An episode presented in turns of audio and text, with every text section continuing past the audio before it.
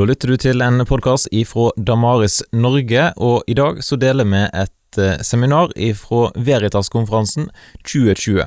Den konferansen ble jo litt spesiell, en digital konferanse, og vi deler tre seminar som eh, dessverre, noen av de har ikke topp eh, lydkvalitet, men sånn er det. Vi skylder på koronaviruset, og håper at du får uansett utbytte av innholdet som ble formidla.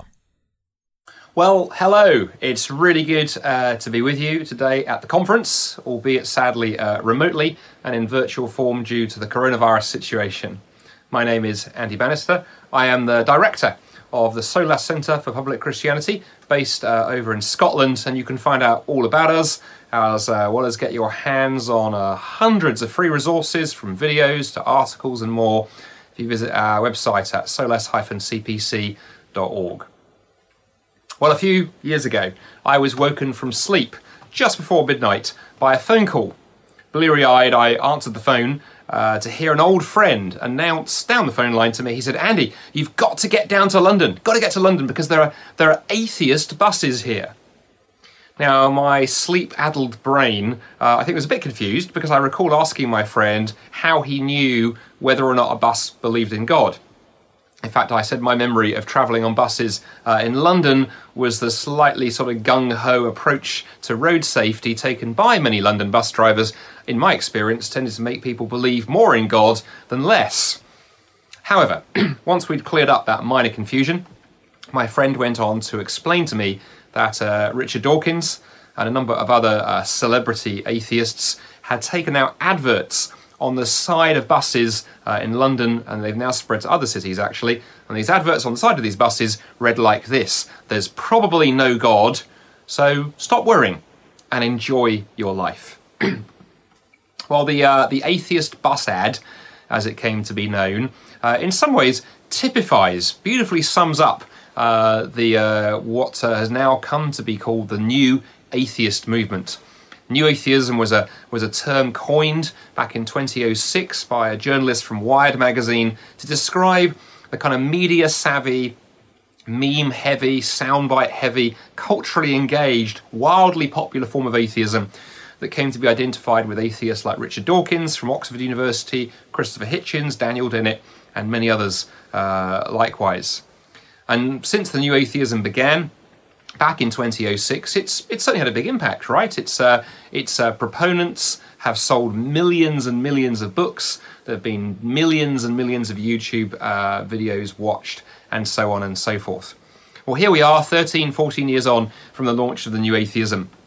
And although many of its leading figures have now somewhat fallen from glory, so for example, Richard Dawkins is probably now more, certainly here in the UK, more a figure of fun than anything else. His uh, his tweets that he has a tendency to say what he thinks on Twitter. Many people uh, consider them to be almost as bad as the kind of stuff that Donald Trump puts out.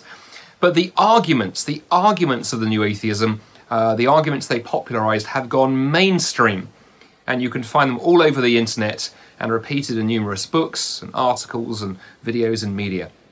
And what I began to notice early on was that, of course, many of those arguments are, are really bad arguments. Now, don't get me wrong here, it is perfectly possible to be a thoughtful, intellectually rigorous uh, atheist. I have many atheist friends who I would consider to be thoughtful and, and thought through, who've done their very best to, to think about the big questions of life and do so in a way that's uh, rigorous. But the new atheist arguments, on the other hand, they tend to be embarrassingly bad, cringe-worthily poor, and fall apart when you examine them. What do I mean? Well, take the uh, the atheist bus ad. Take that statement on the side of the bus. There is probably no God. Now stop worrying and enjoy your life. Take that as an example. In particular, look at the second half of that bus advertisement. Enjoy your life. You know, immediately we can ask some questions, right? Is that really the whole point of life? Is the whole purpose of your life simply enjoyment? I mean, some would say, isn't there much more to life than just enjoyment. I mean, what about the other range of human emotions that are out there? What about compassion or delight or hope or kindness or joy or love, quite frankly? Why is it the atheist bus ad zooms in on just enjoyment? Well, as the British uh, best-selling British writer Francis Spufford put it in his uh, in his book uh, defending the Christian faith, unapologetic. This is what he wrote: Enjoyment is one emotion. The only things in the world that are designed to elicit enjoyment and only enjoyment are products. And your life is not a product. To say that life should be enjoyed and just enjoyed is like saying that uh, mountains should have only summits, or that all colours should be purple, or that all plays should be by Shakespeare. This really is a bizarre category error. Well, the atheist Basad also raises the question what if you're not enjoying your life? What if you're jobless or friendless? What if you're living in fear or poor health or abject poverty?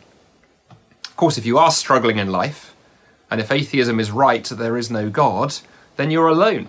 You are utterly alone in a universe that cares as little about you and your enjoyment as it does about the fate of the amoeba, the ant, or the aardvark. There is no hope, there is no justice, and there's certainly nothing inherently wrong with poverty, incidentally, so hey, just quit protesting.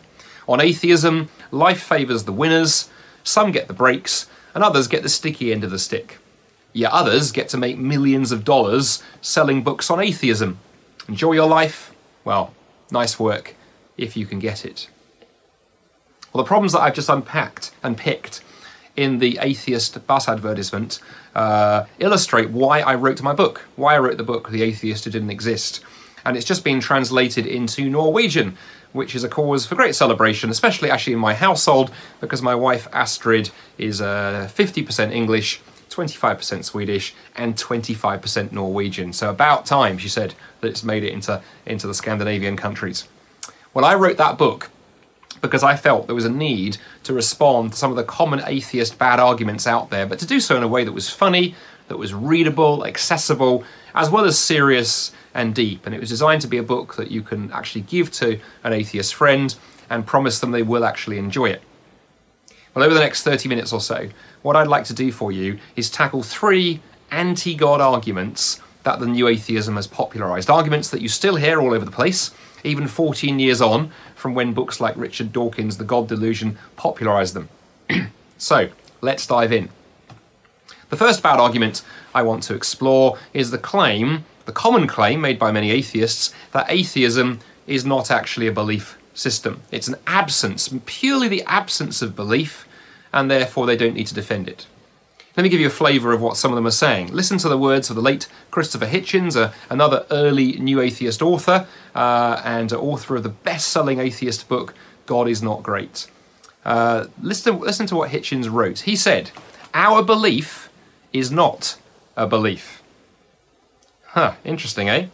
Uh, or an atheist friend of mine on Twitter uh, when we were discussing this, he wrote these words a few years ago. I, I, think actually he summed up this argument beautifully. He wrote to me, he said, he said, it's easy. He said, atheism isn't a claim, it's just non belief. Non belief in the claim there is a God. Well, I've lost count of how many times I've heard versions of that, and rhetorically, it's, it's, a, it's not a bad move. If atheism is simply an absence, a negative, if it's just the mere absence of belief in God, then presumably atheists can sit there throwing stones at everybody else while never having to justify their own beliefs. But does this idea actually work? Well, not really. And let me illustrate why it doesn't by way of a hopefully slightly comedic illustration for you uh, today. Imagine I'm sitting having coffee with an old friend uh, who's in town, haven't seen them for some years, and suddenly across the cappuccinos, my friend looks at me and announces, I don't believe, I don't believe that Sweden exists. What on earth do you mean? I reply, shocked by what I've just heard. Well, it's simple, they respond. I'm a, I'm a Scandinavian skeptic. I don't think Sweden exists. Sweden is just a political conspiracy invented to motivate other European citizens to work harder. You know, all that talk of the best healthcare system, the highest standard of living, of tall, svelte, and beautiful people. Come on, it sounds more and more like a myth the more you hear it. I am not fooled. I do not believe that Sweden exists. I look at him and puzzled and say, look, you know, you're, you're insane. I mean, what do you mean you don't believe in Sweden? I mean, that's ridiculous. If Sweden doesn't exist, How do you explain IKEA furniture? Or how do you explain ABBA music? Or how do you explain what glues Norway to Finland? It's a staggering claim. Where is your evidence? Evidence, my friend says, looking puzzled. Oh, oh, I see your problem. You think my denial of Sweden is a, is a belief, but it isn't. It's just a non belief, the absence of belief in a country. There's nothing I need to explain. I'm talking about something I just lack. I just lack a belief in Sweden, and therefore I don't have to give any evidence for it at all. Do you know, it's interesting, isn't it? That we all see instantly that something is wildly wrong when it comes to the claim, I don't believe that Sweden exists and I don't need to give evidence for that. Yet many atheists are saying exactly the same thing when they tell us they can deny that God exists, they don't believe in God, but they don't need to give any evidence for that claim. So let's unpack this a bit. What is actually wrong with suggesting that atheism is a non belief and nothing more needs to be said? Well, I can think of several things, uh, and I cover a few more in the book. So, firstly, if atheism is merely the lack of belief in God, then presumably that means my, my cat is an atheist, as she lacks a belief in God. Uh, although, of course, some people would argue that cats think they are God, but that's another debate for another time. Um, other things that presumably are atheists because they lack a belief in God um, potatoes, uh, the colour green, small rocks, rubber chickens. Those are all atheists, presumably, because they don't have a belief in God either. So clearly, more is going on. We obviously desperately need a better definition of atheism, otherwise, this gets ridiculous. Well, the next problem, of course, is that uh, beliefs, real, actual beliefs, often function as identity markers. That's a clue that we're dealing with a real belief. For example, Christians, we gain our identity from our belief that God has revealed himself uniquely and supremely in and through Jesus Christ. Or we might consider sports fans. If you're a soccer fan, if you're perhaps a Manchester United or Liverpool fan or one of those other kind of uh, international teams, um, you, uh, you're united in the belief in your team's, well, usual prowess on the soccer field, and it glues you together with other fans. But of course, non beliefs don't have this identity forming capacity. Uh, for example, I don't believe in Santa Claus. Sorry to let down any of you uh, today for whom that's a big disappointment. I don't believe in Santa Claus, but I don't introduce myself at parties by saying, hello, I'm an A Santa Clausarian. Uh, nor do I attend uh, annual meetings for people who don't believe in the lost continent of Atlantis. Non beliefs don't have this identity forming function, but many atheists do use their belief precisely as an identity marker. They introduce themselves as atheists. They proudly write freethinker or skeptic in their social media profiles with a more zealously enthusiastic, changing their profile pictures on social media to little pictures of the flying spaghetti monster. And furthermore, Many atheists show tendencies to gather in communities centered around their atheism. Some are even starting churches. I, I kid you not. There are atheist churches uh, here in London and other parts of the world. A few years ago, an atheist church here called the Sunday Assembly started in London, where every Sunday atheists gather to hear talks on everything from volunteering to climate change. Uh, then they listen to secular songs and they sit around and have a cup of tea afterwards. So, it does rather look as if uh, atheism is actually a belief system. It functions like one, particularly in that identity forming capacity that it has. Atheism is a, is a worldview. It attempts to provide answers to ultimate questions. One definition of a worldview is it tries to answer questions like uh, Is there a God? And if so, what is he like? What does it mean to be human? What's gone wrong with the world and what's the solution? And atheism certainly thinks it has an answer uh, to all of those questions. So, to my atheist friends, I would simply say, you know what? All of us, every human being, we have beliefs that are central for us, beliefs that we like to shape our lives around, and all of us, Christians and atheists, we need to be willing to give reasons for those beliefs. And if atheists are not willing to give reasons for their belief, if, they if they want to duck that responsibility, then I can do no better then commend them to one of their own, Christopher Hitchens, who said, That which can be asserted without evidence can be dismissed without evidence. And in the case of the new atheism, that goes for atheism too. Well, our second uh, bad atheist argument is also pretty widespread. And it's the belief, it's the claim that we don't need God because science, science can explain everything. For example, listen to these words uh, from the world famous physicist, the late Stephen Hawking. He wrote, Philosophy is dead.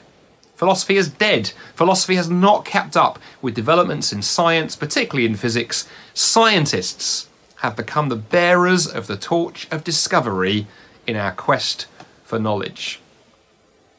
Taking things even slightly further, we have the Nobel Prize winning chemist Harry Kroto, who said science is the only philosophical construct we have to determine truth with any degree of reliability.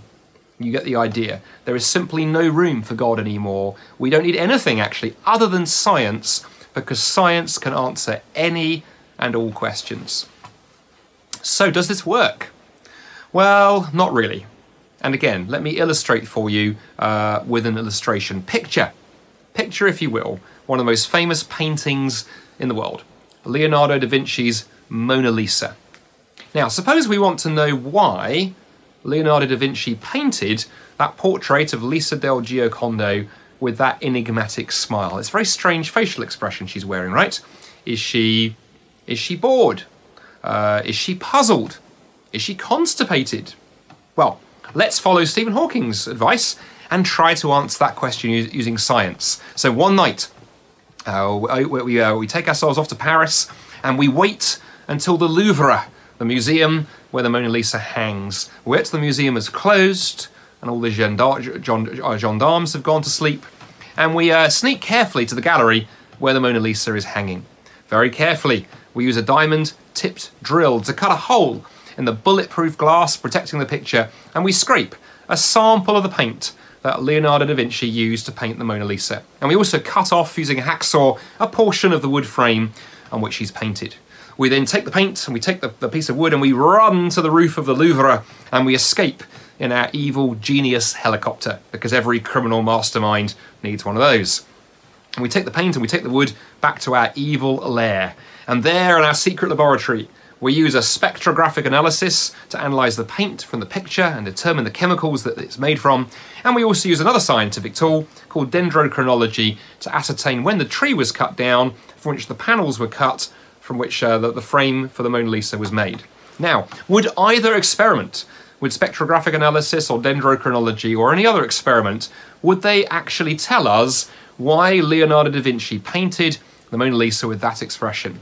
Would any experiment lead us to the truth rather than 20 years in a French prison eating cheese? Well, no.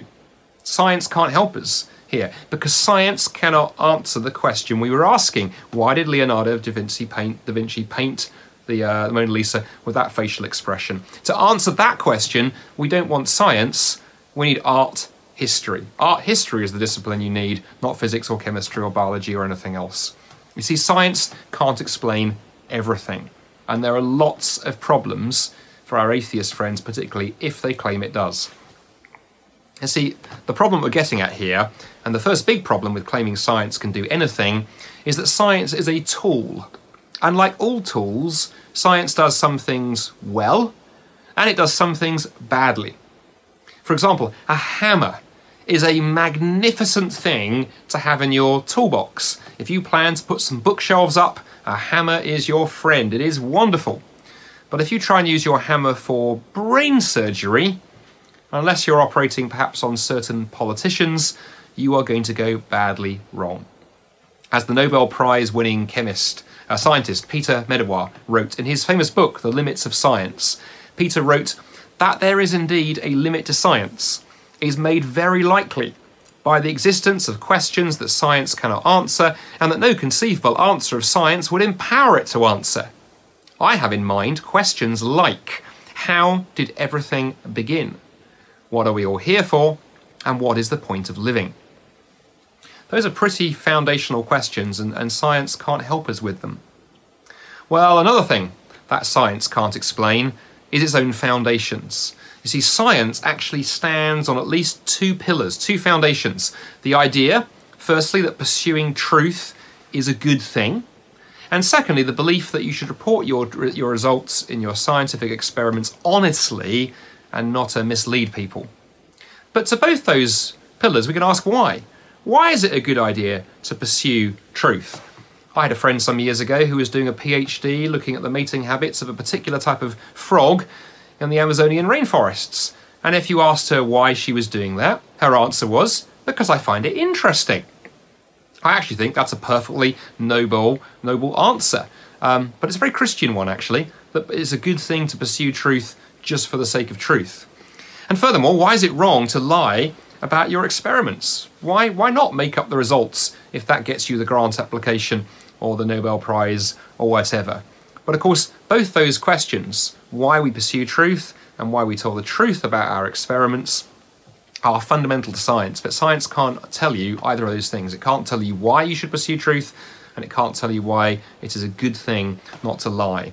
Both are actually ethical questions, uh, connected far more with issues around what the good life and morality looks like. Well, next up, science also fails to explain mind and consciousness. And without our mind, without our consciousness, without our reason, we can't do science in the first place. You know, many new atheist thinkers have attempted to literally explain our thinking away. For example, here's, uh, here's Daniel Dennett, commonly mistaken for Santa Claus, uh, in full flow. Listen to his words as he tries to explain uh, the mind and the brain away in purely physical atheistic terms. He says there is only one sort of stuff, namely matter, the physical stuff of physics, chemistry, and physiology, and the mind is somehow nothing more but than a physical phenomenon. Uh, in short, the mind is the brain, and we can, in principle, account for every mental phenomenon using the same basic principles, laws, and raw materials that suffice to explain radioactivity, continental drift, photosynthesis, reproduction, nutrition, and growth. Oh my word! Did you did you grasp? Did you truly grasp what Dennett just said there? He's saying that all that you are, your hopes, your dreams, your beliefs, your values, and above all, your thinking and your reasoning, they are nothing more than the movements of atoms jostling together, chemicals fizzing, and neurons buzzing. Physics, he says, can explain your beliefs with the same ease that it can explain um, earthquakes or plant growth. He used the example of, uh, earth, of, of, of uh, continental drift and photosynthesis. But a moment's thought should have told Dennett there's a problem here. Well, several problems, but one of the biggest is that continental drift and photosynthesis are not rational. You know, I have occasionally been known to indulge in the occasional glass of wine on a summer's evening, um, but not even in my most um, kind of relaxed moments have I ever thought to inquire of a newly grown leaf's uh, view of politics, nor have I sought the advice of the Eurasian plate on the finer points of Shakespearean sonnets. So, I mean, the thing that Dennett fails to grasp here is if he's right, something follows earthquakes and photosynthesis and those things, they're not rational. They're totally irrational. And if we are the same as they are, then we aren't rational either. See, once you've explained away the mind as a chemical reaction, once you've explained away thinking as a reflex, once you've explained selfhood as an illusion, a, a, trick played on us by our genes, as one atheist put it to me, what are you actually left with when you have chopped, sliced, diced, and reduced the human mind, you are left with nothing. You are left with nothing. And I emphasize that you are left with nothing because on this description of reality, you don't actually exist either. You're just this collection of bits. And thus, as the philosopher Mary Midgley put it much more eloquently than I can do, she wrote, It is all very well to eliminate God from the intelligible universe, but eliminating ourselves from it blocks all sorts of inquiries. Well, the final bad argument I want to look at in this talk is another new atheist claim that was popularized by the new atheist movement, but now you hear it all over the place, and it's the claim that you don't need God to be good. Listen to how the author of the Young Atheist's Handbook, Alom Shaha, a former Muslim but now an atheist, how he puts it. He writes Despite not believing in God, and not believing in any afterlife where I might be rewarded or punished for my behavior, I try to be a good person. That's the most that any of us can do. In other words, Alom is saying he doesn't need God to be good. Some atheists go further. In fact, some atheists argue, in fact, they are better than religious people. So Penn uh, Jillette, uh, one half of the popular comedy act Penn and Teller, uh, wrote these words a few years ago. He said, The question I get asked by religious people all the time is without God, what's to stop me raping all I want? And my answer is, I, I do rape all I want, and the amount I want is, is zero. And I murder all I want, and the amount I want is, is zero. The fact that these people think that if they didn't have this person, i.e., kind of God, watching over them, that they would go on killing and raping rampages is the most self damning thing I can possibly imagine. In other words, Jillette is saying, he's saying atheists don't need God to be good. And in fact, more than that, um, Christians are obviously only good because we think that God is sitting up there watching us, going to zing us with a thunderbolt if we do something wrong. So therefore, atheists are better because, as one atheist put it, atheists do good when nobody is watching. Wow. Does all this work as an argument? Can you be good without God? Are atheists better than Christians because they do good for goodness' sake and so on? Well, as an argument, it fails badly. And let me illustrate using an illustration uh, and then do a critique for you. Imagine that I'm having lunch uh, with an old friend, another old friend. I have lots of old friends. I have lunch with an old friend at a vegetarian uh, pizza restaurant. And my old friend, his name is Garth, and uh, interestingly, he has just started dating a girl who is a devout Buddhist. So he's doing the whole vegan thing. So when I said, Where should we meet for, for lunch? he picked a vegetarian pizzeria. Well, halfway through lunch, I look up from poking my, my lentil pizza very suspiciously with a fork to see Garth reach into his pocket, bring out a small plastic container, and shake the contents all over his pizza. What's that? I ask him, puzzled. Tuna, he whispers. Tuna, I say. Shh, he says, shush, shush, shush. Not, not every vegan takes the liberal approach that I do. Anyway, what's all the fuss about? I, I, I eat fish. Big deal. Fish doesn't count as meat. It can't be. It lives in water. I look at him puzzled and say, Sorry, are you claiming to be a vegan and you're eating fish? Yes, he says, I, I, I eat fish, also prawns, crab, shellfish, lobster, that sort of thing. Strangest vegan I ever met, I say. Oh, duck as well. He says, Duck. Duck? Well, said Garth, ducks live in water, so they're not meat either, right? Let me get this straight, I say, scratching my head for a moment. Um, you're claiming to be a vegan. You're telling your girlfriend, your colleagues, your family that you're a vegan. You're subjecting old friends to vegan restaurants, all the while chowing down on anything that moves. Why don't you just come clean and admit you're an omnivore like the rest of us? You're a hypocrite. Hypocrite? Said Garth, looking genuinely offended. I, I thought you'd be more, more progressive. Besides, who says that you, Andy, get to define the word vegan? Who died and made you king of the dictionary? I say that vegan means somebody who occasionally eats meat when there is a vowel in the name of the month. How dare you tell me that your meaning of the word vegan trumps my meaning of the word vegan? Well, now, how does that little episode help us think through the I can be good without God claim? Well, just as my lunchtime conversation there turned on the question of what the word vegan means, so we need to ask what the word good means. Who gets to define the word good? Does every human being get to define good for ourselves? In which case, the word is meaningless. I can I call helping the poor good, and you, on the other hand, you call torturing small animals to death good. And we have no way of assessing which one of us is correct or, on nearer to the truth.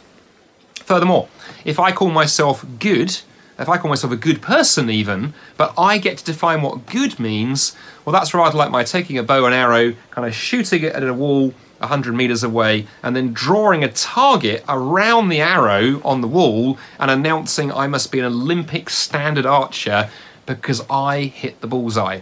if you draw the target after you shot the arrow, we can all be Olympic archers. And if we all get to define the word good, then even the most vicious person in the world, even Adolf Hitler or Pol Pot or Mao Zedong, whoever you want to pick, they can all say, yeah, we're good people, because we get to define what the word good means.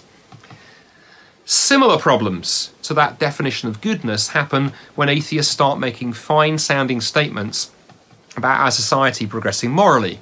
So, Richard Dawkins, our old friend, the Oxford atheist, wrote these words. He said, Some of us lag behind the advancing wave of the changing moral zeitgeist. In other words, society is improving and it's getting uh, the, the, the zeitgeist, the moral, the moral context, getting better all the time. He says, Some of us lag behind the advancing wave of the changing moral zeitgeist, and some of us are slightly ahead. But most of us in the 21st century, we're, we're bunched together and way ahead of our counterparts in the Middle Ages, or the time of Abraham, or even as recently as the 1920s. The whole wave keeps moving, and of course, the advance is not a smooth incline, but a meandering sawtooth. But over the longer timescale, the progressive trend is unmistakable, and it will continue. But of course, we need to ask Dawkins what does the word progress mean in that sentence? He's talking about moral progress. Well, what does progress mean? After all, doesn't progress imply a destination? I love hiking and walking, and imagine that one day I'm out walking in the hills, and my wife rings me up on my mobile phone and she says, Andy, how is your hike going? And if I reply, I'm progressing, she will naturally assume I'm nearer to my destination, not lost in the wilderness uh, with one boot missing and my sandwiches stolen by a bunch of marauding squirrels. So, when we talk about society progressing, what is the destination? Where is it we're heading in Dawkins' mind? How do we know when we've arrived? You see, atheism has a real problem here because whether you try and uh, say society determines morality, or you try and explain it using evolution or science, or no matter what you want, the problem is you can't define what good means. And unless you can define what the word good means, without collapsing into personal preference, you are totally, totally uh, have huge problems going on here. No wonder that other atheists, perhaps the, the famous uh, 19th century atheist Friedrich Nietzsche, end up concluding things like this. Nietzsche, one of the most influential atheists of all time, wrote these words. He said, When you give up the Christian faith, you pull the right to Christian morality out from under your feet. This morality is by no means self evident. Christianity is a system, a whole view of things thought out together. And when you break one main concept out of it, the faith in God, you break the whole. Nothing necessary remains in your hands. The problem is, we need a basis for goodness and justice that are outside of us. Just as 2 plus 2 equals 4 is a mathematical fact independent of us, so we need an independent basis for goodness that is external to us. And God, His nature as truly good, truly just, truly holy, those things are grounded in God's very character and nature, give us a tremendous foundation. And when, as Christians, we read in the Bible in Genesis chapter 1, verse 27, that God created us in his image. Do you know that also gives a very, very good basis for human rights and dignity too, because human beings have real value and real significance. Yet, talk of good and evil is fascinating because it's not that's not a theoretical question. It's also a very personal question. You know, it's hard to talk about good and especially about evil, without quickly realizing, if you are an honest person, that we are responsible for the evil we do and for the good that we don't do. There's a very famous British uh, novelist and screenwriter called Nick, Nick Hornby. He has no religious faith, as far as I know, but he's a man who often asks uh, spiritual questions. And uh, he recently said this He said, I'm a good person in most ways. But I'm beginning to think that being a good person in most ways doesn't count for anything very much if you're a bad person in one way. Well, dealing with that issue that Nick identifies there is, of course, something that Jesus had a lot to say about. And that brings us nicely to Jesus as we close. You know, as Christians, uh, when we talk to our atheist friends, we can sometimes forget to bring the conversation into land on Jesus. And I often say to my atheist friends, we can sometimes forget how startling it is that we're talking about Jesus.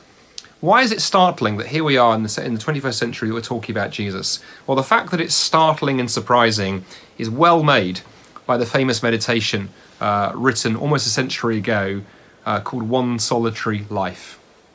It goes like this He was born in an obscure village, the child of a peasant woman. He grew up in another village where he worked in, a carpenter's shop until he was 30. Then, for three years, he was an itinerant preacher. He never wrote a book, never held an office, never went to college, never visited a big city. He never travelled more than 200 miles from the place where he was born. He did none of the things that usually accompany greatness. He had no credentials but himself.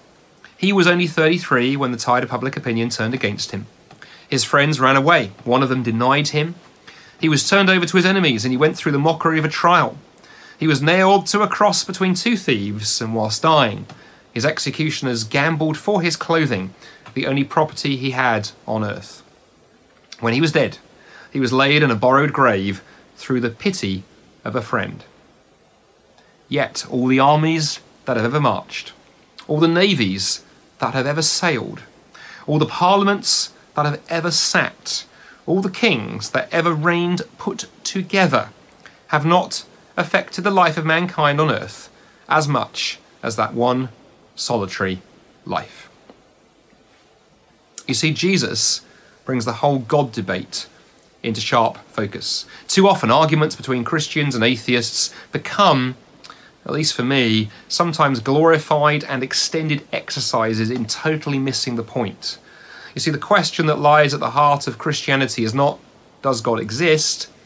The question that Christianity is primarily concerned with, that the Bible wrestles with, that the Gospels explore through the lens of the life of Jesus is much more personal than that. The question that the Christianity is concerned with is what kind of God are we talking about?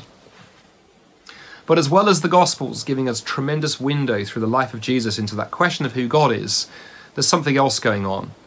See, I often like to say to my atheist friends if the Gospels are true, they tell us something very deep indeed. Through that lens of the life and death, teaching, uh, and resurrection of Jesus of Nazareth, they proclaim that everything is not acidic skepticism. Everything is not unyielding despair or hopeless lostness or the utter blackness of the void.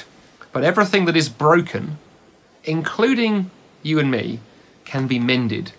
The Gospels boldly declare, they boldly tell us that if they are true, if Jesus is who he claimed to be, then because of his history and in spite of ours, we can have a future. Perhaps it is time. Perhaps it is time that our atheist friends laid aside at least the bad arguments, even just for a few hours, and gave Jesus a careful, considered look. Well, thanks for listening. It's been wonderful uh, to be with you, even in pixelated uh, virtual form. Really grateful that you took the time to listen. I hope what I shared was helpful do remember, do please check out the SOLAS Centre for Public Christianity website, uh, solas-cpc.org. In particular, I want to mention to you these are wonderful uh, resource we produce called the Short Answer videos. We've been doing these about three, three and a half years. We have uh, 70 videos now, uh, each addressing a question about the Christian faith. They are perfect for sharing with friends. They are free to use. You can download them, share them, upload them, do anything you like with them. Just our hope is that they get into the hands of people who are not Christians, or they help equip you to share your faith uh, with your friends. And that's a, a, gift to you, to the church. Uh, use it as a resource. And I really encourage you, take what you learn at this conference uh, today and don't just keep it to yourself. I hope that it builds you up and encourages you and equip you to share the love of Jesus uh, and the truth of the gospel with friends, neighbours, colleagues, family members, and the rest. I hope and pray that you have a wonderful rest of the conference.